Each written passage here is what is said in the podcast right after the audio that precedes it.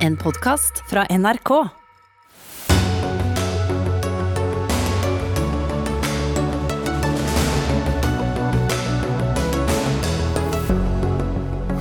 Et såkalt gullkort gir avgåtte rikspolitikere fri og evig adgang til Stortinget. Nå vil sittende politikere gjøre noe med ordningen. Hvorfor tok det så mange tiår? Sjelden virussykdom nå oppdaget i Sveriges hovedstad.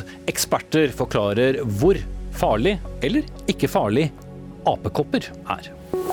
Stortingsflertallet er i ferd med å samle seg mot dominerende dagligvareaktører. Det kan fort bety dyrere mat i butikken, hevder tidligere konkurransedirektør.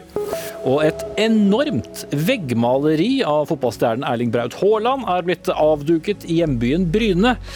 Det kan bli litt mye, sier kommentator. Det er deler av menyen i Dagsnytt 18 denne torsdagen. Jeg heter Espen Aas. Ja, de fleste assosierer kanskje gullkort med noe du betaler med, men eh, navnet er nå blitt brukt om eh, et adgangskort til Stortinget, og det har skapt et visst eh, rabalder. For er det riktig at avgåtte stortingsrepresentanter skal ha livslang adgang til nasjonalforsamlingen? Partier som Rødt, SV og Venstre har tatt til orde for å revurdere ordningen, og stortingsrepresentanten, presidenten snarere, har varslet full gjennomgåelse av regelverket. Anne Breivik, leder av Unge Venstre, du vil gjerne klippe i stykker dette såkalte gullkortet. Hvilket problem er det? kan jo starte med å si at jeg i utgangspunktet er tilhenger av å fjerne alle særordninger som Stortinget har som ikke har særlig gode begrunnelser for seg, og det syns jeg nettopp denne ordningen er et godt eksempel på. Når du slutter i en vanlig jobb, så mister du jo tilgang til det kontorbygget eller sykehuset eller den skolen du har jobbet på. Og når du ikke lenger er stortingsrepresentant, eh, som vi jo avholder valg til hvert fjerde år, så har du jo heller ikke folkets tillit bak deg. Da ser jeg ikke helt hvorfor du skulle hatt tilgang til den bygningen som huser nasjonalforsamlingen vår. Mm.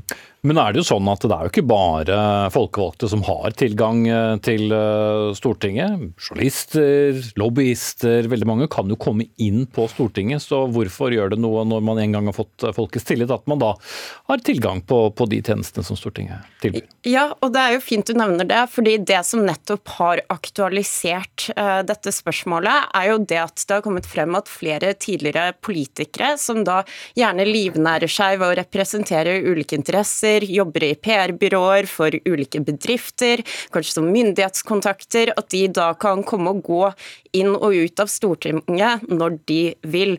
Og Det er jo et problem at vi i dag i Norge ikke har nok åpenhet rundt hvem som forsøker å påvirke politikere, og hvilket omfang de gjør det i. Mm. Og Det vil ikke dette eliminere. Vi skal komme tilbake til akkurat det om litt, men eh, Martin Kolberg, eh, tidligere stortingspolitiker, du har vel fått denne adgangen ordningen eh, selv nå, da, som du ikke er folkevalgt lenger. Men du mener altså at denne ordningen bør bevares. Hvorfor trenger man fortsatt tilgang til nasjonalforsamlingen? Ja, la meg først få lov til å si at eh, jeg er enig i at stortingspolitikere eller politikere i sin alminnelighet ikke skal ha unødvendige privilegier. Men det er ikke privilegium å ha tilgang til Stortinget når du har vært i Stortinget. Fordi at det er en tilgang til det huset du har vært i, det er tilgang til det miljøet du har vært i, det er tilgang til å delta i den politiske samtalen med kolleger og med andre. Og eh, det er ikke et privilegium, det er nødvendig å ha en slik ordning, og den er god. Og det, men selvfølgelig, den skal ikke misbrukes. Nei, for det er jo en forskjell på å være pensjonist, som du øver deg på å bli, og f.eks.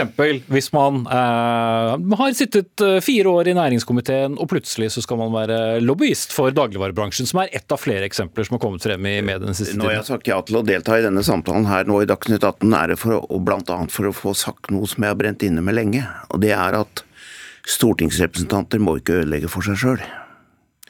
Og fordi at mange av de ordningene, og vi snakker ikke nå bare om denne ordningen, mange andre ordninger er egentlig veldig klare i sine regler og i sin ånd. Og hvis stortingsrepresentantene holder seg til dem, så har vi ikke noe problem med det. For det er ikke meningen at man skal ha dette kortet for at man skal drive kommersiell virksomhet. Det tar jeg klar avstand fra. Men man skal ha dette kortet for at man skal kunne ha tilgang på et miljø som man kan berike, som man kan være med på, og som er en del av den politiske prosessen. Og Stortinget kan ikke være et lukket hus. For det er riktig som programlederen sier her, at dette handler ikke bare i tilfelle om, om stortingsrepresentanter, det handler om mange andre miljøer, som da heller ikke skal kunne komme og gå i parlamentet. Og at vi har et åpent og demokratisk parlament, det er av stor betydning. Og stortingsrepresentanter må passe seg så de ikke ødelegger for det viktige nemlig at Stortinget skal være åpent, demokratisk og et sted hvor folk okay. kan komme. Jeg er helt enig at Stortinget Du skal få svare, men jeg skal bare si at VG, som har uh, hatt en del oppslag i saken, har jo spurt mange tidligere politikere om dette adgangskortet, og de aller fleste har svart at de knapt eller aldri har brukt det. En som bruker det, men mest for å gå på do, er din tidligere eh, partileder Trine Skei Grande, og mener at eh, hun fortsatt bør ha det.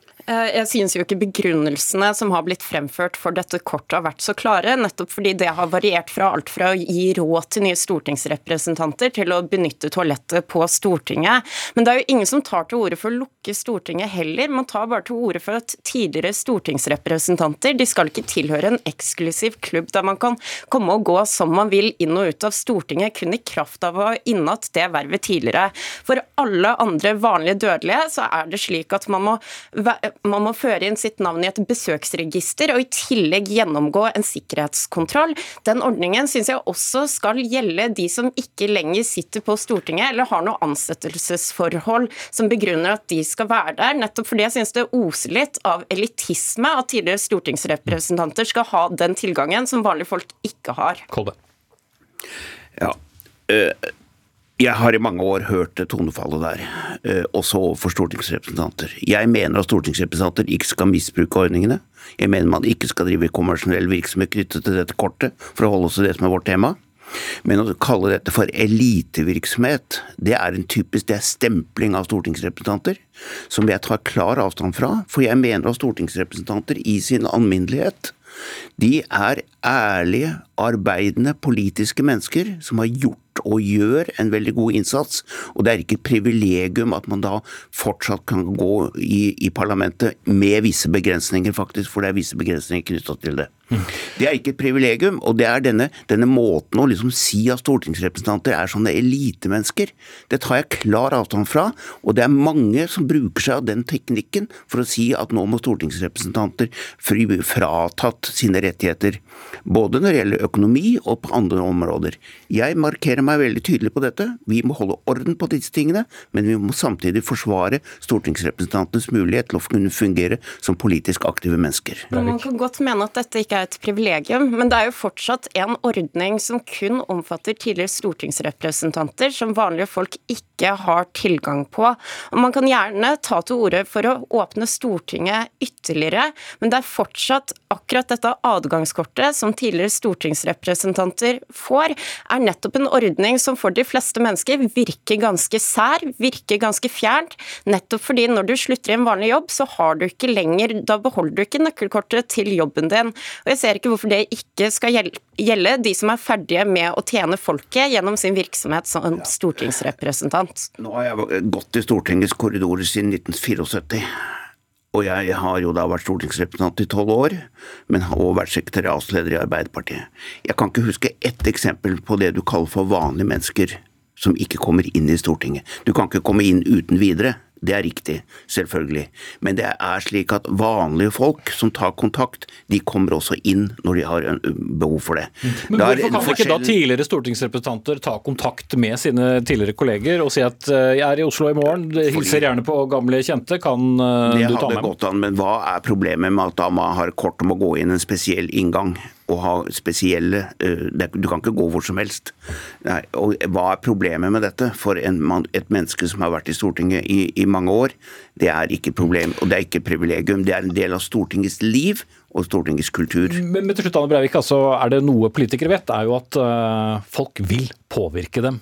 Og hvis du som nyvalgt uh, stortingsrepresentant blir uh, oppsøkt av en tidligere stortingsrepresentant som har fått ny jobb, så vet du vel hva som kommer, så er problemet så stort?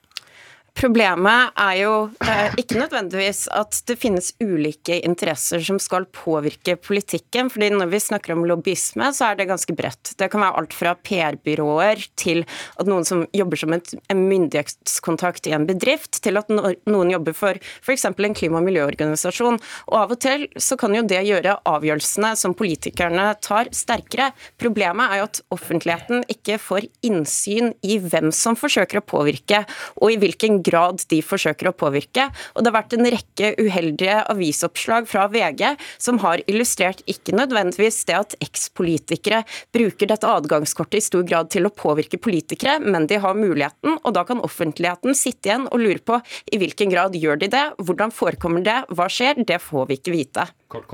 Ja, eh, Bare om dette med registeret, da, eh, slik at jeg også har sagt litt om det. Eh, jeg forstår at presidentskapet nå har avvist dette forslaget, og det støtter jeg. For hvor hvis det ikke skjer i Stortinget, så skjer det et annet sted. Og da er det enda mer lukket. Slik at det er ikke det, det, det, Du kan ikke forby lobbyisme. Eh, du kan ikke forby det, men det må håndteres av politikerne på en ordentlig måte. Og det klarer de norske politikerne på en god måte. For alle partier. Stortings, ja, Stortingspresident eh, Masud Gharahkhani har eh, varslet full gjennomgang av denne saken. Han kunne ikke stille her i dag med begrunnelsen at han hadde andre ting å gjøre. Men vi har en tredjemann i studio som også har adgangskort til Stortinget. Men det er fordi du er medlem av Stortingets presselosje, politisk kommentator Lars Nehru Sand. Denne ordningen som har vart så lenge, hvorfor er det plutselig blitt en så het sak? Det henger jo nært sammen med VGs oppslag om eh, spesielt av denne eh, dagligvaresaken jeg skal diskutere senere i sendingen, hvor, hvor, det har vært eh, tidligere politikere på flere sider av bordet og med flere ulike roller. Det ene er rene PR-medarbeidere, det andre er advokater, som, som det kanskje eh, er en litt annen skål, og, og også vanskeligere å, å, ta inn i en eventuell lobbyregistertankegang. Men, men det er folk som da har vært tidligere stortingsrepresentanter stortingsrepresentanter, og i kraft av det har mulighet til å komme på, på Stortinget og snakke med de, eh, de, de skal, og oppsøke dem kanskje mer uformelt også enn, enn de ville gjort hvis man måtte avtale et møte og en møtetid. Mm. Men hva er ellers å gjøre på Stortinget enn å snakke med andre, og for så vidt da spise litt billigere enn du ville gjøre på utsiden? da? Eh, altså, eh, hva, hva har man nytte av Stortinget for, når man ikke lenger er folkevalgt? Nei, det, det, er nok Det varierer jo veldig. Nå kan en tidligere stortingsrepresentant være i 20-årene og ha et langt yrkesliv foran seg, og sånn sett nyte godt av et sånt kort på en annen måte enn en, en pensjonist oppi åra som kanskje vil ha tilgang til et bibliotek og en, en kantine og, og, gamle kollegaer og snakke om gamle dager og, og, hvordan det går med barn og barnebarn. Eh, så det, det, er jo også grunnen til at eh, det nok ikke er Verden er ikke sånn nå som den var da denne ordningen ble innført, og, og sånn sett også at mulig å, å ønske velkommen at presidentskapet ser behov for en gjennomgang rundt hvordan dette kortet, denne ordningen, ordningen eh, faktisk fungerer eh, slik verden er nå. Mm. Hvor ofte ser du selv eh, gamle stortingsrepresentanter eller tidligere stortingsrepresentanter når du er der selv? Ja, uavhengig av alder så, så, ser jeg det. Det er ukentlig, og det, det, er jo ikke så rart. Det er folk som, som både oppsøker gamle kollegaer av helt sosiale og, og personlige grunner, og, og sikkert også yrkesøyemed, åpent eller mer, mer indirekte. og det, det, ser jeg ofte eksempler på. Mm.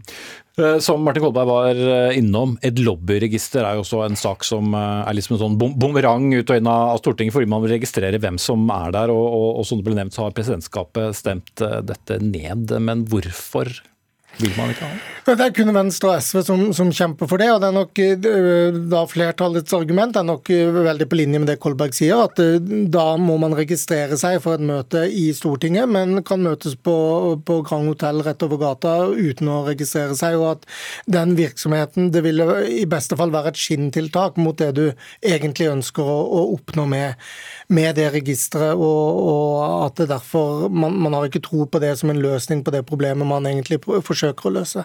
Mm. Og så er det jo litt historikk med ordninger det siste året også, som kanskje har gjort denne saken enda litt hetere.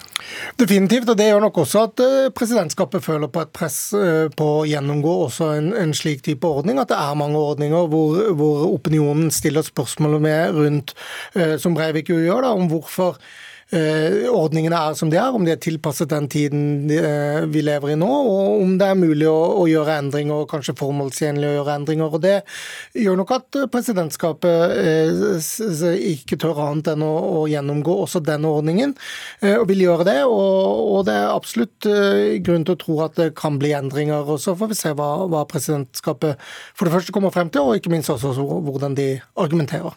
Ok. Lars Nehru Sand, politisk kommentator i NRK. Tidligere stortingspolitiker fra Arbeiderpartiet Martin Kolberg og Unge Venstre-leder Anne Breivik. Takk skal dere ha, alle tre.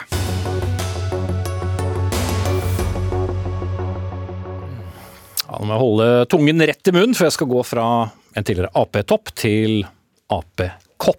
For så, Vi skal snakke om denne sjeldne virussykdommen uh, Ap-kopper, som er blitt bekreftet uh, så nært oss som i Sveriges uh, hovedstad, eller i nærheten av den. Dette viruset har spredd seg rundt om i Nord-Amerika og Europa, hvor flere mistenkte og bekreftede tilfeller bl.a. er rapportert i Storbritannia, Spania og Portugal. Første nyhetsmelding jeg fant om denne i egne arkiver, var tilbake til 2003, så helt ny er den ikke. Men, men Frode Forland, eh, fagdirektør ved Folkehelseinstituttet, eh, er det farlig virus? Det er jo et uh, virus som du kan bli plagsomt syk av. Men vi regner det vel ikke egentlig for å være en veldig farlig sykdom. Men det er jo et dødsfall av dette med jevne mellomrom i Afrika, der dette er en endemisk sykdom. Der denne sykdommen har på en måte utbredelse. Og det er jo helst i Vest-Afrika og i Sentral-Afrika. I Norge har vi jo knapt nok sett dette. Og vi har vel stort sett også i Europa bare sett det som importtilfelle fra Afrika. Så det nye nå er jo at vi har fått smittekjeder som sprer seg i Europa. Særlig i, i visse miljøer med folk som, som er tett sammen. Mm. Gunnveig Grødland, forsker innen vaksineutvikling og immunologi ved Universitetet i Oslo og Oslo universitetssykehus. Hva slags sykdom er denne virussykdommen? Eh, altså, det er jo en eh, Det ligner litt på sånn vannkopper og sånt noe. Eh, så det er en sykdom som kanskje kan vare to til fire uker, men stort sett går over av seg selv. Så det er en sånn relativt ufarlig sykdom, egentlig. Mm. Men uh, NHR som har snublet borti internett i dag, har jo sett da bilder av disse koppene puppene da, eh, som vokser eh, ut på, på, på, kroppen. Men hva slags eh, sykdom er det ellers? Altså Hvordan kommer den viruset til uttrykk? Eh, litt usikker akkurat på hva du mener da, eh, men det er et virus som typisk tar oss og sprer seg gjennom ganske nær kontakt med andre personer. Eh, og det er egentlig derfor dette ikke ville kunne forårsake noen sånn stor uh, smittespredning, egentlig. Fordi du må være over tid i nær kontakt med den som er smitta, eller med klær eller lignende som vedkommende har brukt. Mm. Og, og I Folkehelseinstituttet, hvor, hvor, opptatt er man av dette, utover at det, det åpenbart i disse dager er en del journalister som, som, ringer og spør? Vi er jo ikke normalt veldig opptatt av dette, men, men det, det spres jo både gjennom nærkontakt, som Grødland sier, og også gjennom spytt eller dråpesmitte, sånn som vi er vant med egentlig med virussykdommer. Eh, og så får vi jo disse her blemmene på huda, da, som egentlig ligger, ligner på store vannkopper, kan du si. Og så er det jo andre slektninger av dette viruset som vi kaller kukopper eller sauekopper, som kan gi òg lignende eh, utslett på hud, men der er det bare en hudsykdom. Dette er òg en generell virussykdom som du kan bli mer allmennssyk av. Mm. Så det vi gjør nå for instituttet, er å nedsette ei utbruddsgruppe som ser på dette og jobbe med å forberede oss på at vi kan få det i Norge. Mm, for, det, for, det, er grunn til å regne med det når det er så nært som uh, Stockholmsregionen? Det er ikke usannsynlig, det må vi si. Og at uh, når det nå har spredd seg stadig til flere land, så, så er jo det kommet veldig nær når det kom til Stockholm. Så vi jobber med tiltak i helsetjenester, i forhold til rådgivning overfor folk, i forhold til laboratorieservice osv. Mm.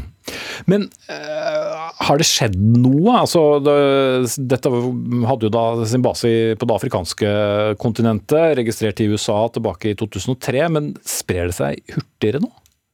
Jeg tror det er mest uh, snakk om tilfeldigheter, egentlig. Fordi viruset har endra seg veldig lite.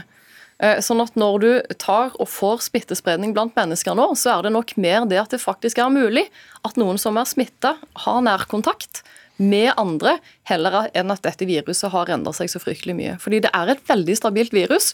Sånn at sannsynligheten for at du får noen særlige mutasjoner som kan gjøre dette til noe helt annet, er, det er fryktelig usannsynlig. Mm. Ni bekreftede tilfeller i Storbritannia, fem i Portugal og flere mm, mistenkte tilfeller flere andre steder. Vet vi noe om hvem som får denne smitten, altså hvor de plukker det opp? Ja, så langt så har jo smitten spredd seg mest i et miljø med menn som har sex med menn. Så det virker som det har vært knytta til, til, de gruppene. Eh, og at eh, det da i stor grad kanskje òg er smitta gjennom seksuell kontakt. Eh, men det kan som sagt òg smitte like mye fra spytt eller den type ting, og like gjerne til kvinner som til menn. Men det har starta i dette miljøet, den, de smittekjedene som vi nå kjenner fra Europa. Mm. Og, og, fra man får denne smitten til man får symptomer, hvor lang inkubasjonstid snakker vi om? Rundt én til to uker. Så ja, det tar litt tid. Mm. Og kan da potensielt sett smitte da en del i hva skal vi si, litt mer sånn lukkede miljøer, men ikke noe i nærheten av det vi har sett andre kjente virus i, i nær tid spre seg, selv om det nå er rapporter fra flere land? Nei, det er eh, ikke egentlig mulig. Fordi selv som du sier, det kan spres gjennom spytt og faktisk dråpe, så er det, så langt man vet nå, kun i veldig store dråper. Sånn at du må være veldig nær den som du skal bli smittet av, selv når det er snakk om dråpesmitte. Og det gjør i seg selv at dette ikke kan få en form for pandemisk utbredning. Mm. Og hvis man skulle tro man har disse symptomene, skal man da ta kontakt med helsemyndighetene? Ja, Da skal du ta kontakt med primærlegen, eh, og eh, da vil du få råd om hva du skal gjøre. Og For de aller fleste så går jo denne sykdommen over av seg sjøl, men det blir innført en varslingsplikt nå, da, slik at vi òg kan eh, varsle videre i det internasjonale miljøet. Og Det jobbes nå i både Verdens helseorganisasjon og i det europeiske smittevernbyrået med å gi både risikovurderinger og gode anbefalinger om hvordan en kan få slutt på dette og forhåpentligvis stoppe disse smittekjedene før det utvikler seg videre. Mm. Men få slutt på det, altså hvordan da? Medisin? Nei, Ved at de som er smitta, ikke smitter andre. Eh, og at en prøver å få på en måte god smitteoppsporing, slik at en ikke bare fortsetter å spre seg i visse miljøer. Det finnes jo òg remedier her. da. Der er utvikla en vaksine som er effektiv, som kan brukes i forhold til nærkontakter dersom en har mange som en har vært i kontakt med. Og det finnes òg antivirale legemiddel som kan brukes. Mm. Livsfarlig spørsmål, for vi har ikke klarert det med noen av dere, men hvorfor heter det apekopper? Det er fordi det ble oppdaget først i laboratoriet i aper. Eh, og nå er vi vel tilbake på 1950-tallet, rett og slett. Sånn at det er litt tilfeldig at det ble apekopper. Eh, og kopper, fordi dette er en virusfamilie, det er såpass vanskelig egentlig å finne i naturen. og Man har ikke sett så mange tilfeller av det, sånn at det har utviklet seg en praksis at man rett og slett gir navn på det i det dyret det først ble oppdaget. Det er derfor du har sauekopper og apekopper og mm. osv. Men, men reservoaret for smitten i Afrika er i all hovedsak knytta til gnagere, mm. selv om det heter apekopper. Så det er litt forvirrende. Mm. Men bare for å ha slått det fast en gang for alle, hvis noen har snublet over disse bildene en gang til, man skal ikke være redde for apekopper. Det er ingen grunn til å være veldig redd for det. En skal prøve å unngå å få det. Og de som eventuelt har symptom på en virusinfeksjon, bør holde seg hjemme og eventuelt få stilt en skikkelig diagnose dersom de får utslett sammen med en eh, virussykdom. Mm. Er det noe folk er kjent med, så er det å holde seg hjemme i hvert fall. Frode Forland, fagdirektør ved FHI, og Gunnveig Grødland, forsker innen vaksineutvikling og immunologi ved Universitetet i Oslo.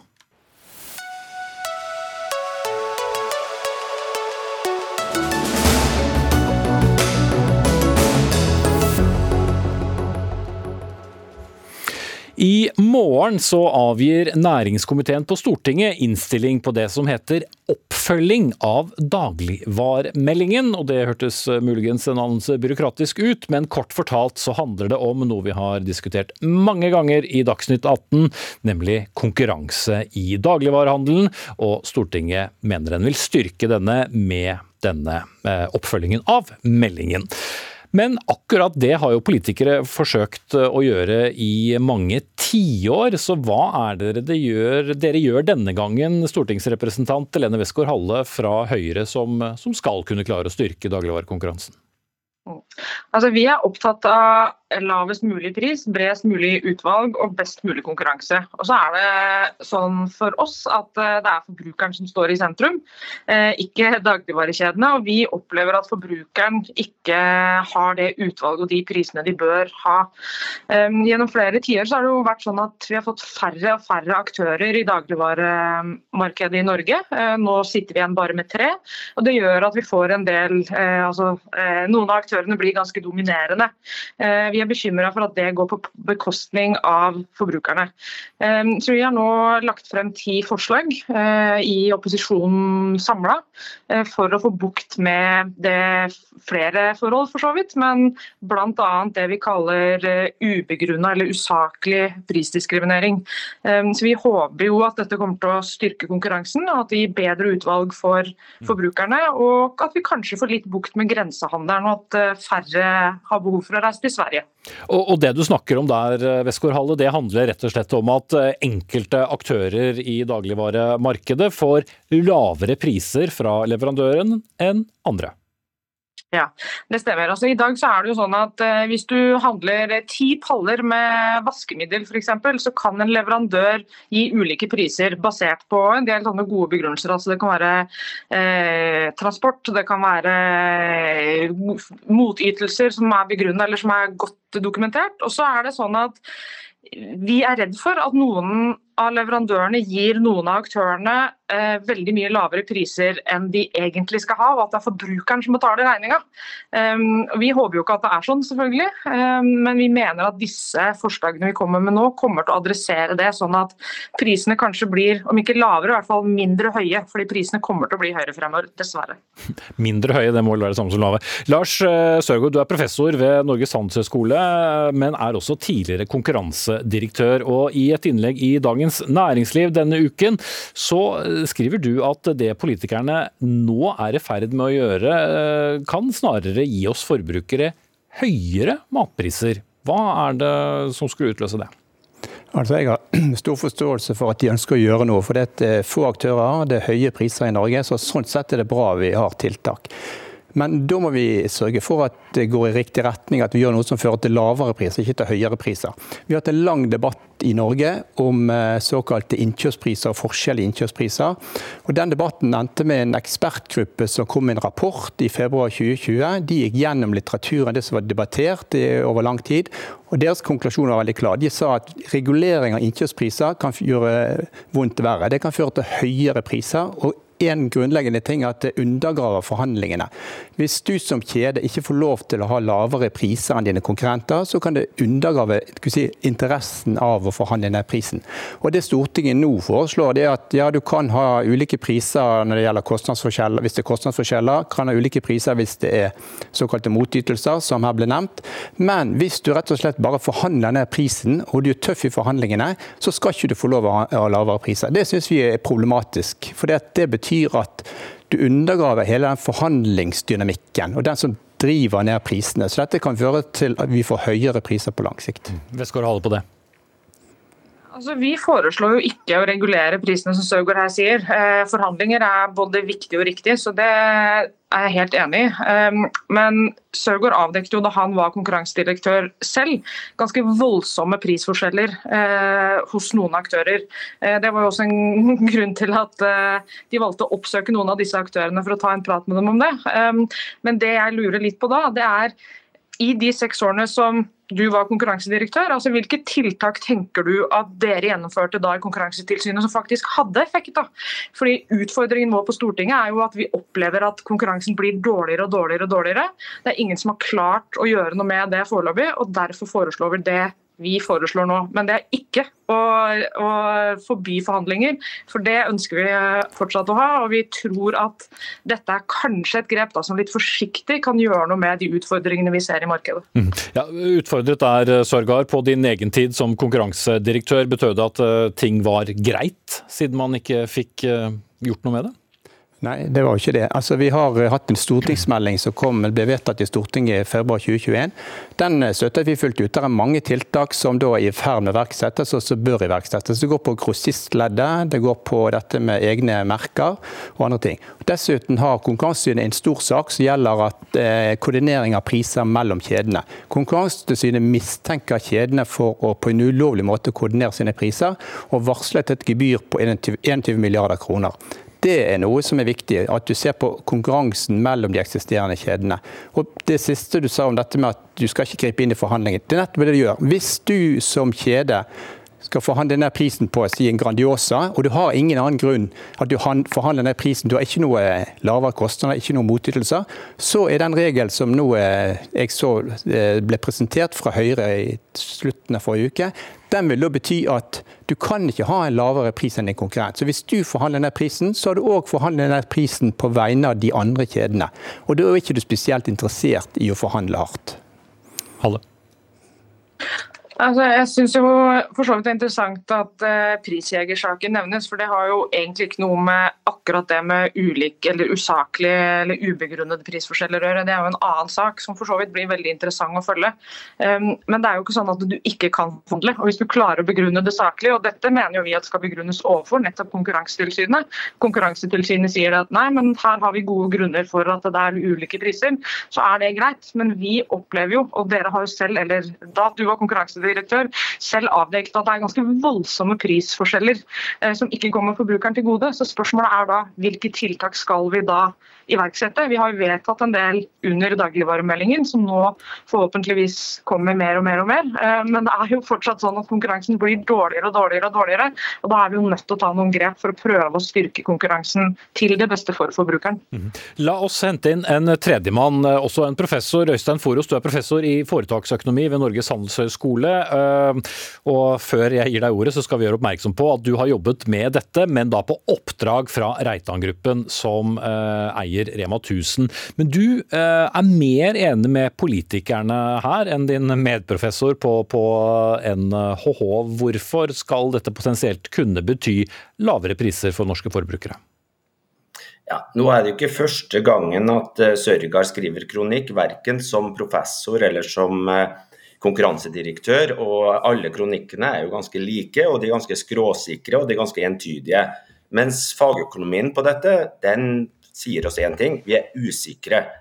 Og da er det ganske moderat det politikerne nå foreslår. Det er moderat å si at du må begrunne hvorfor du ikke gjør noe ulovlig, som i realiteten er det politikerne eh, nå krever. Og etter å ikke ha gjort noen ting i mange år, så fremstår ikke det så veldig dramatisk. Men eh, spørsmålet var altså, vil det gi oss billigere mat? Det vet vi ikke, men det er nedsiden ved dette har jeg store problemer med å, si, med å se. Men det vi vet, er at hvis vi sammenligner oss med landet rundt oss, hvis vi går til Sverige eller vi går til Danmark, så er svenske og danske tilstander i denne sammenhengen noe positivt. Det betyr at vi har små kjeder som kan vokse og konkurrere eh, lønnsomt uten å måtte sitte på fanget til konkurrentene. Og det må jo bekymre et konkurransetilsyn, mhm. at vi ikke har det slik. Nå er ikke du eh, del av Konkurransetilsynet lenger, Sørgaard, men du fikk jo en direkte adresse her. Er du for skråsikker? Altså, jeg forholder meg til eh, særlig den ekspertgruppen da, som har oppsummert eh, den diskusjonen. og Øystein Fore var en del av den diskusjonen, han kom med gode innspill på hva som kunne føre til eh, lavere priser. Dette var en del av grunnlaget når denne ekspertgruppen bestående av tre personer eh, kom frem til med en klar konklusjon. Det er den jeg forholder meg til. Dette er ikke Konkurransetilsynet sitt syn. Dette er veldig mange fagøkonomer som mener det samme. Han mener at det er problematisk å gripe inn i prismekanismen. Og fortsatt mener jeg at dette ikke er moderat. Nettopp det at du ikke skal tillate at du skal forhandle på pris og bare pris, det er problematisk. For det er nettopp det vi ønsker å bevare. Hvis jeg leser det forslaget som er kommet, og jeg leser det som at du skal ikke få lov til å forhandle bare på pris. Det er en såkalt usaklig prisforskjell. Og det er ikke bra. Det fører til at forhandlingene blir eh, nærmest eh, undergravd. For oss? Eh, ja, For å ta denne arbeidsgruppen som Sørga refererer til, så er vel de enige med meg i det, det, viktigste, at dette er usikkert. Og så sier de også at de har faktisk ikke sett på dagligvaremarkedet. Og Hvis vi skal noe, eh, si noe om dette, så må vi nesten se på pasienten. Som da er? Ja, altså, eh, vi, vi må gå inn og se på eh, årsaken til at denne prisdiskrimineringen foregår, og hvorfor er det så annerledes i Norge enn i våre naboland. Eh, og Da fremstår det for meg moderat det som politikerne nå gjør. De prøver å gi en Paracet. Okay. Er du enig i den beskrivelsen, Sørgaard? Nei, jeg er ikke enig. Nettopp fordi at Hvis du ser på forslaget slik det er, så er det en ganske alvorlig inngripen i forhandlingsfriheten. Og tilbake til denne arbeidsgruppen som eh, Forus kalte det. Altså, De hadde full tilgang til alt det som Forus har skrevet. De brukte det som underlagsmateriale. Allikevel konkluderte de ganske klart at dette ville kunne føre til høyere priser. Derfor frarådet de klart å regulere innkjøpspriser. Mm. Da vil jeg avslutte med de som eh, er lovgivende her. Stortingsrepresentant Lene Westgård Halle, dette blir etter alle solmerker altså eh, banket gjennom i din komité i morgen. Og det er i hvert fall relativt stor eh, enighet mellom de forskjellige partiene. Men da tror jeg veldig mange forbrukere lurer på når kommer vi til å merke noe til dette på lommeboken, for nå om dagen så følger mange med på priser. Nei, det er som jeg sa innledningsvis. Jeg er nok eh, dessverre redd for at matvareprisene kommer til å øke. Det jeg tror eh, dette forslaget kommer til å gjøre, og forhåpentligvis eh, egentlig fra vi setter i gang dette, for det er jo et veldig sterkt signal til markedet, det er at jeg håper at vi kommer til å dempe prisveksten. Så det, det er et moderat, forsiktig forslag. En Paracet, om du vil. Så, jeg tror det dessverre kommer bare til å være en demping av veksten. God handletur. Lene Westgård-Halle, stortingsrepresentant fra Høyre. Lars eh, Søgaard, professor i eh, økonomi ved Norges handelshøyskole, tidligere konkurransedirektør. Øystein Foros, professor i foretaksøkonomi, også det ved Norges handelshøyskole.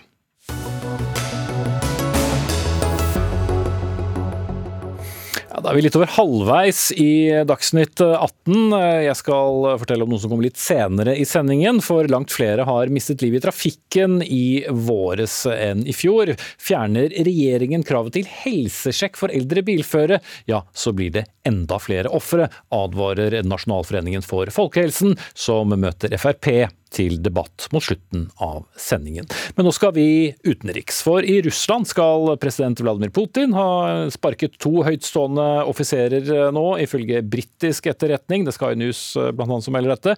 Påstandene om hvordan krigen i Ukraina går, ja, den spriker stadig, der russiske tapstall ikke helt harmonerer med andre, for å si det forsiktig. Og om Ukraina lykkes i å jage Russland ut av sitt eget eh, land, ja, da kan det spøke for Putins fremtid, som president sier du til Dagsavisen. Tor Bukkvold, sjefforsker ved Forsvarets forskningsinstitutt. Eh, vi har sett noen spede forsøk på å utfordre hans autoritet på hjemmebane, men eh, hva skal til?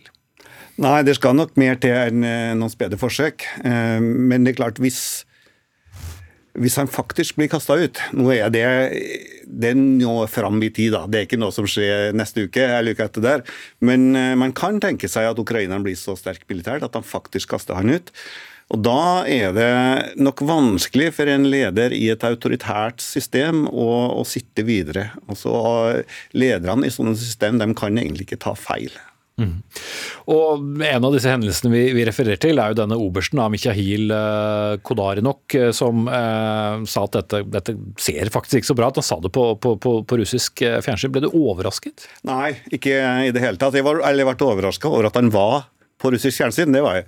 Men Kadarionok, som jeg for øvrig har truffet, han sa det her og rett før krigen starta, at det, vi bør ikke prøve på dette her, det vil ikke gå bra. Ukrainerne vil ikke ønske oss velkommen. Det ukrainske forsvaret er ikke sånn som det var i 2014, det er mye bedre, så vi bør holde oss unna. Så de, Han har egentlig bare gjentatt det han sa før krigen starta. Ja, du kjenner han, eh, sier du har møtt ham. Eh, hva, hva slags eh, mann er denne obersten?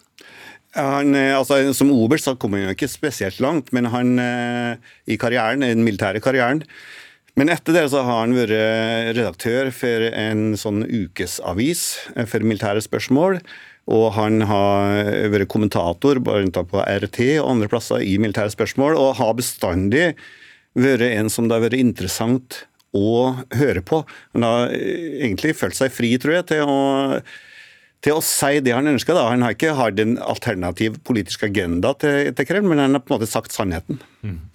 Vi skal eh, til Moskva nå. Du blir sittende, Bukkvold. Jan Espen Kruse, vår korrespondent der. Du lever jo opp i, midt oppi den mediedekningen som er der. Utover eh, slik som dette innslaget som nettopp har snakket om, er det mye å se til utfordring av, av Putins uh, stilling? Nei, det er det overhodet ikke. Tvert imot. De russiske statlige mediene som dominerer fullstendig nå, eh, der er gjennomgangstonen at eh, alt går etter planen når det gjelder krigen i Ukraina. Eh, Russland skal oppnå sine mål, og det er ingen som overhodet diskuterer president Putins stilling. Når man ser på meningsmålinger, i den grad man kan bruke dem, så, så viser jo de sånn 70-80% oppslutning om presidenten og hans eh, politikk, men eh, veldig mange russere er naturligvis redd for å si sin ærlige mening når det gjelder eh, akkurat meningsmålinger. Men ellers så ser jo ikke folk flest noe særlig til denne krigen. Vareutvalget i butikkene er inntil videre omtrent som før, og arbeidsledigheten har ikke steget dramatisk siden denne krigen begynte. Så det ligger ikke an. Det er ikke noe aktuell diskusjon i Russland eh, om eh, president Putin skal gå av eller ikke. Og køen av eh, hans kritikere er stadig ikke særlig lang. Nei, det er den ikke. Altså, i, i, disse samtaleprogrammene som det kryr av på russiske statlige medier, og særlig TV nå, så er det en del kritiske røster som sier at det, går ikke sånn som det skal. Eh, det har gått for sakte. Man hadde trodd at Ukraina skulle bli tatt mye raskere. Eh, men alle disse eh, innvendingene, disse kritiske, litt kritiske uttalelsene, de er naturligvis eh, klarert eh, med, med, myndighetene, som kontrollerer hva som blir sagt i disse, disse programmene. Så noe kritikk kommer fram, men ikke grunnleggende mot, særlig mot presidenten. Mm. Og ting blir jo fort dementert også, Bukkvold, fordi man skal selge et, et budskap. men kan man selge dette inn som at det går bra, når det går eh, så lang tid? Ja, de har i hvert fall gjort det hittil, da. Um, og dem som har dødd, for å ta det, de russiske soldatene som har dødd så langt, har jo gjerne kommet fra provinsen, fra små plasser, gjerne fra det, og de etniske områdene i Russland. Så det har nok vært en viss grad mulig å bare få dem som har dødd i krigen, eh, litt sånn skjult hjem og gravlagt dem fort, uten at det har hatt noen særlige konsekvenser. Men eh, jeg tror f.eks. at en årsak til at man ikke har mobilisert ennå, altså trukket inn folk som da ikke er frivillige, kan du si, det er at hvis du begynner å mobilisere større deler av den mannlige befolkninga, så må du antagelig hente inn folk også fra byene, kanskje til og med fra Moskva og St. Petersburg. Og Da begynner vi å snakke om barna til middelklassen og kanskje til og med til eliten. og det vil være, Da vil det være mye vanskeligere å selge det budskapet. Mm. Så slik sett så vil eh, Putin eh, vente med det så lenge han kan? Ja, det tror jeg han er veldig skeptisk på, på å sette i gang mm. det. Denne Donbas-regionen har jo vært veldig avgjørende. Dersom russerne skulle få full kontroll der, hva da?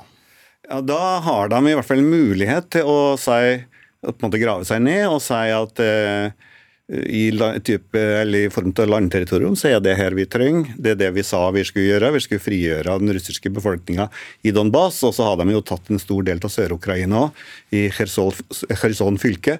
Så hvis de klarer å ta det og holde på det, så tror jeg det er mulig å selge som en seier òg hjemme. Mm.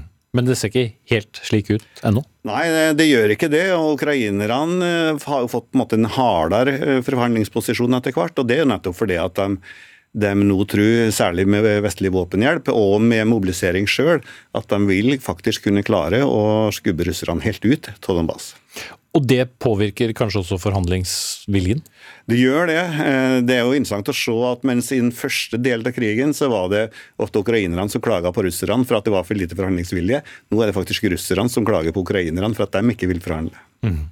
Men eh, det handler kanskje litt om eh, de krigsgjerningene som er blitt eh, dokumentert? Ja, det, handler jo om det jeg snakka om, med at ukrainerne føler seg på tryggere grunn militært sett. Men så tror jeg nok òg det som du nevner med Butsja, Irpin og andre andre ting som russ, russerne gjorde som gjør at det også blir vanskelig for den ukrainske ledelsen å selge noe særlig kompromisser overfor den ukrainske befolkninga. Mm. Takk skal du ha, Tor Bukkvold, sjefforsker ved Forsvarets eh, forskningsinstitutt, og med oss eh, direkte fra Moskva, Jan Espen Kruse.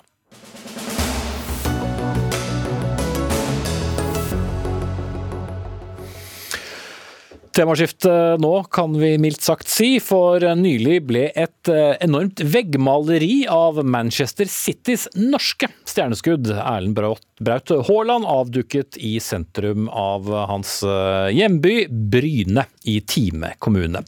Maleriet viser en jublende Haaland i eh, gul Dortmund fotballdrakt, med armene spredd utover det gamle meieriet i sentrum av byen.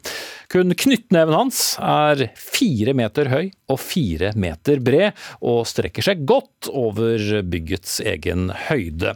Og selv om du sier du er fan av Haaland, Solveig Grødem Sandelsson, kommentator i Stavanger Aftenblad, så ble det litt mye, skriver du i Dagens Avis. Ja, jeg, jeg, tror kanskje at eh, nå har noen tatt litt mye tran eh, på Bryne. For det er jo eh, gigantisk, eh, dette. Eh, og så er det eh, på et bygg og på en plass på Bryne som alle kjenner og som alle går forbi. Hvis du kommer med toget eller med bussen, enten du skal av på Bryne eller bare forbi, så er du nødt til å å se dette. Eh, og da tar de som har bestemt at de vil ha det der, og pøbel som er lagd, tar seg jo en enormt stor definisjonsmakt og veldig stor plass eh, i en by sitt eh, hverdagsliv. Eh, og Da syns jeg kanskje noen skulle rette på den og bare spørre om var ikke dette litt mye Bryne og pøbel? Mm -hmm. Ja, og Pøbel er ikke sånn pøbler i flertall, bare for å ha poengtert det, men navnet på, på de som har laget det. Andreas Vålsund, du er jo da ordfører i Time kommune, som uh, Bryne tilhører. Og du er også tidligere kontaktlærer, hvis jeg skjønner, til Erling Braut Haaland. Det var ikke mange spor ellers etter ham, men uh, dette ble jo litt av spor. Var, var, det litt stort? Nei, På Jæren vi er jo egentlig stille, rolige jærbuer. Men når vi først gjør noe, så gjør vi det skikkelig. Og er, jeg mener at han er verdens største fotballspiller akkurat nå. Og når vi først skal hedre han på en måte, da skal vi gjøre det skikkelig, og jeg er veldig stolt. Og jeg kan tro jeg snakker på de fleste av innbyggerne i kommunen eh, i time. Syns at dette er virkelig stort, og vi setter pris på den kunsten som har kommet midt i bybildet vårt.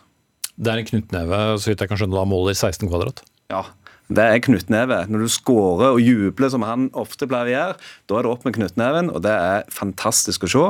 Og når vi hadde nettopp Folketoget nå som gikk forbi på 17. mai, alle unge gutter og jenter så denne, så opp, og du så bare stoltheten og stjernen i øynene på ungene.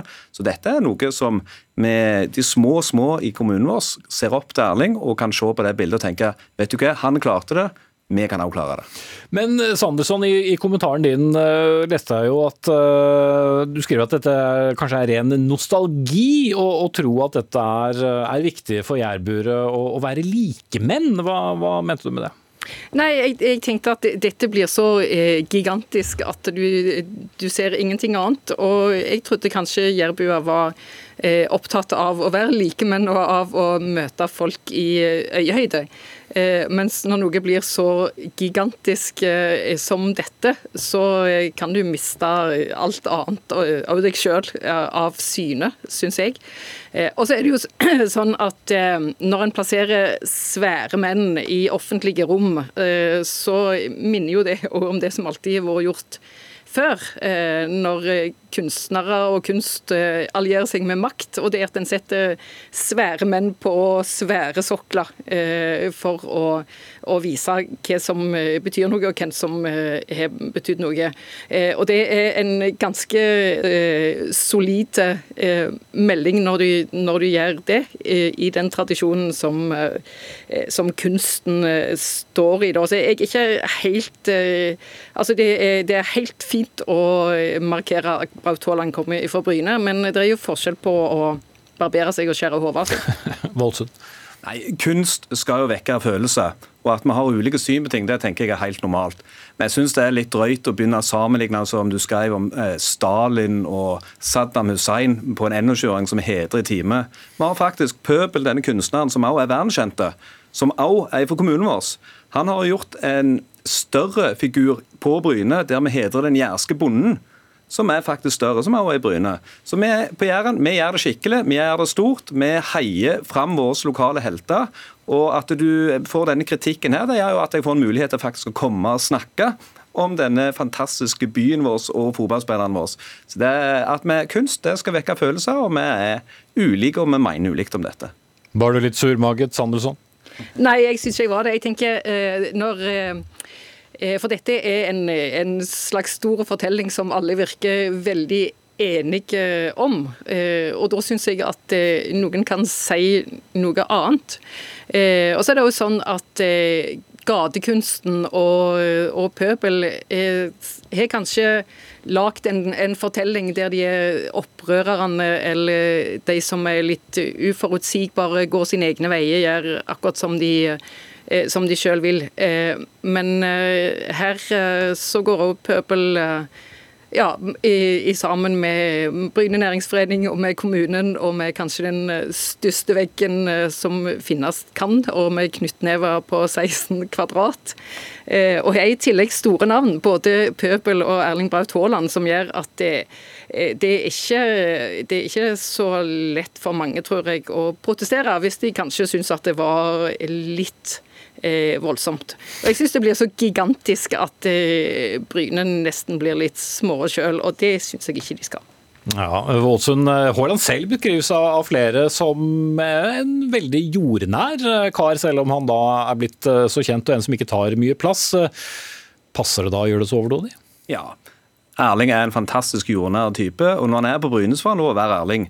Men at vi hedrer ham på denne måten, det syns jeg er flott. Her kan vi få turisme, her skal vi vise at vi er stolte hvor vi kommer fra. Bryne er ikke små, Bryne er akkurat passe store, og Erling er fantastisk forbilde for mange på Bryne.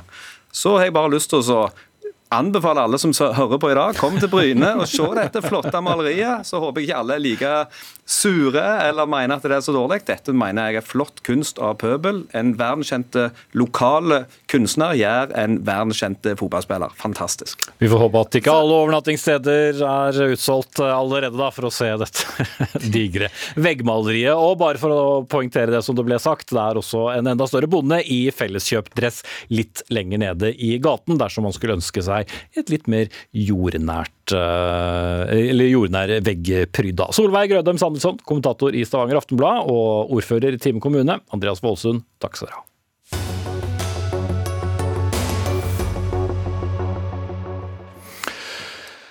En dyster statistikk. 29 menneskeliv gikk tapt i trafikkulykker bare i april og så langt i mai i år. Det er nesten tre ganger så mange som på samme tidspunkt eh, i fjor. Både politi og Statens vegvesen sa senest i NRKs nyhetssendinger i morges at de er bekymret. Og det er også dere i Nasjonalforeningen for folkehelsen, Mina Gerhardsen, hvor du er generalsekretær. For dersom regjeringen går videre med et stortingsvedtak om å fjerne krav for helsesjekk for eldre bilførere, så frykter dere enda høyere høyere dødstall. Hvorfor?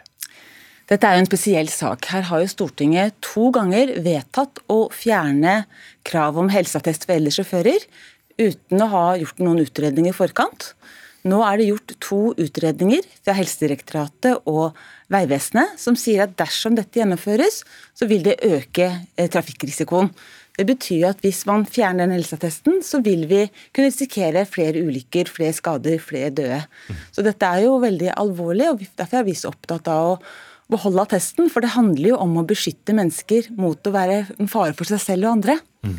Morten Stordalen, medlem av Stortingets transport- og kommunikasjonskomité for Fremskrittspartiet. Du hørte vel de samme tallene i morges, for selvsagt hører du på NRK på morgenen. Men du har vært blant de som har ivret for å fjerne denne helseattesten, som da var en sak i forrige stortingsperiode. Hvorfor det? Jo, fordi at det er veldig stigmatiserende. Fordi at du bare fyller et årstall, så skal du da kalles inn eh, til en test. Eh, det er veldig spesielt. Det er ganske nedverdigende. Eh, og det var det stortingsflertallet også sa. Eh, både Arbeiderpartiet og SV var enige med Frp at dette var nedverdigende. For hvis man ser på statistikken, hvem er som er mest utsatt, og hvem er som er flest ulykker, så er det ikke de eldste. Skal man da begynne å kalle inn menn 45 pluss? Skal man kalle inn kanskje ungdommer i en viss alder? Og det er altså ingen ting som sier at det er, det er teoretisk, egentlig, det som man sier, at ulykkestallene vil gå opp. Fordi at de fleste i den alderen er uansett hos lege ganske ofte. Og det er fortsatt en leges plikt til å kunne frata førerkort. Og det skjer også i dag med ganske mange andre aldersgrupper. Så, så, jeg mener at det er veldig teoretisk, og det er en særnorsk ordning Mm. Man har ikke det i våre naboland. Ikke i Sverige, ikke i Danmark, ikke i Tyskland, hvor man driver og tester enkeltgrupper i samfunnet. Gerhardsen.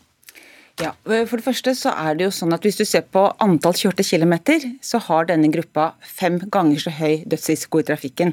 Eh, de eldste. eldste. Så det, det er en side av det. Det andre er jo det vi er opptatt med denne testen, er jo at risikoen for å få dårlig helse øker med alder. Det er ikke stigmatiserende å peke på det.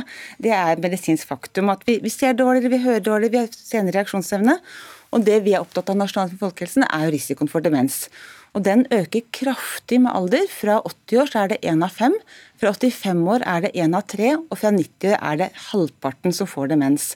Det er ikke en sykdom du oppdager på en rutinesjekk hos fastlegen hvor du skal snakke om vondt i halsen eller vondt i foten. Det krever litt mer undersøkelse enn det hvis det er mistanke om det. Så hvis vi tar bort denne testen, så risikerer vi at mennesker med en alvorlig dødelig hjernesykdom som også har den bieffekten at du får dårlig innsikt i egen helse, fortsetter å kjøre. og Det er en veldig alvorlig ting. Og Hvis vi tar bort det stoppunktet helsetesten er, så er det ett vern igjen mellom farlige trafikanter, det er pårørende. De blir helt alene med ansvaret for å stoppe potensielt farlige sjåfører som ikke bør kjøre mer. Bare for å hente opp det som Gerhardsen sa innledningsvis her, da, Stordalen, så var det også to utredninger som pekte på at dette var en dårlig idé, men likevel så mener folkevalgte at man skal eh, trumfe dette gjennom. Jo, for det er rett og slett stigmatiserende. Og det er, og, og, og det er, det er viktigere da enn at f.eks. Statens vegvesen Nei, men, på, peker på at det vil føre til flere ulykker? Men for å si det sånn, eh, flere ulykker. Eh, det er dårlige sjåfører finnes i alle aldersgrupper. Noen er mer overrepresentert enn andre når det gjelder ulykkesstatistikken i Norge. Og det er sånn at det er fortsatt en leges plikt til å faktisk undersøke om du faktisk er kommet til å kjøre bil, og kan utføre kognitiv test dersom det er mistanke om kognitiv svikt. Det er fortsatt en mulighet og vil fortsatt være til stede. Men vil ikke man fange opp flere når det var en rutinesjekk når du når en viss alder? Det er ganske teoretisk at du velger en dato med jevnlig nummerrom og skal kalle inn enkeltsjåfører uh, i den aldersgruppa bare for at du har fylt et årstall. Det fins også ganske mange, dessverre, som også demens i langt lavere alder. Og det fins mange i samfunnet som mister førerkortet og blir fratatt førerkortet av andre grunner, helsemessige årsaker. For at det er på en rutinesjekk hos legen sin. Mm. Ja, og Gerhardsen, Det ble også påpekt i, i nyhetene i radioen i, i, morges at den gruppen som har flest ulykker, ja, det er faktisk din aldersgruppe, Morten Stordalen, det er altså menn over, eh, over 50? Det er det. Eh, det er, også, det er de yngste som har mest eh, ulykker. De kjører mest og de kjører farligst. Og så er det altså de eldste. Ja, Det skiftet fra de yngste til, til, de over 50, var det som ble sagt i morges. Ja, men hvis vi ser på altså, ulykker per kjørte kilometer, så er de eldste har altså fem ganger mer enn en vår gruppe. Men det jeg vil gjerne si, du sier at det nabolandet våre har ikke. Finland har. Det er 13 land i Europa som har den type tester. De har de tidligere enn vi har. Vi er de eneste som har fra 80 år. Og Det er nettopp som du peker på, at det, det kan jo være andre ting som skjer med kroppen som gjør at man bør sjekke. Eh, og vi vet at en del av de, altså, Det å kjøre bil er noe av det vanskeligste vi utsetter hjernen vår for. Du trenger veldig mange ting eh, skal virke samtidig, av reaksjon, syn, hørsel, eh, bedømming. Eh, og når det gjelder demens, så er det altså en sykdom over 100 000 nordmenn har. Halvparten har ikke diagnose. Så det er ganske mange som har den sykdommen som ikke er oppdaga. Eh, og ja, det er flere som har varslingsplikt, men det er vanskelig å oppdage. og Det er derfor vi som jobber med dette er så veldig opptatt av å beholde denne testen. For ellers så blir det opp til sønner og døtre, eh, ektefeller, å være den som varsler politiet. Mm, okay, det har du sagt. Stordal. Ja. ja, og det er jo litt rart å høre på Gerhardsen nå, da. Hun sier at den testen er viktig å ta. Den er fjerna. Den obligatoriske kognitive testen er fjerna, den. Den ble fjerna tidligere. Før dette vedtaket kom. Det det er snakk om nå, å ikke bli tatt inn til en helseattest uansett.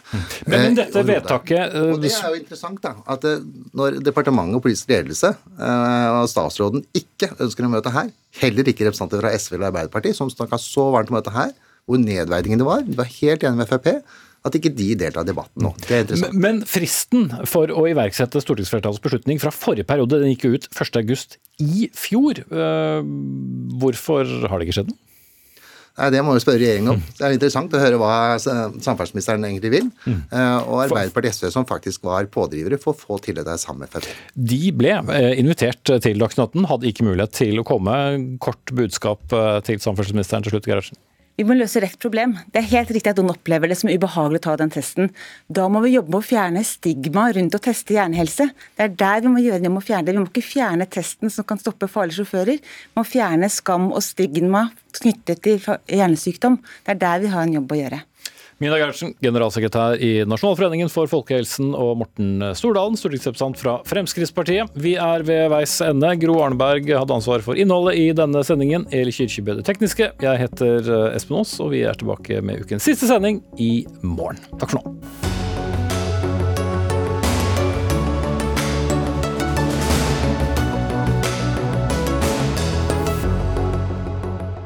Du har hørt en podkast fra NRK. Hør flere podkaster og din NRK-kanal i appen NRK Radio.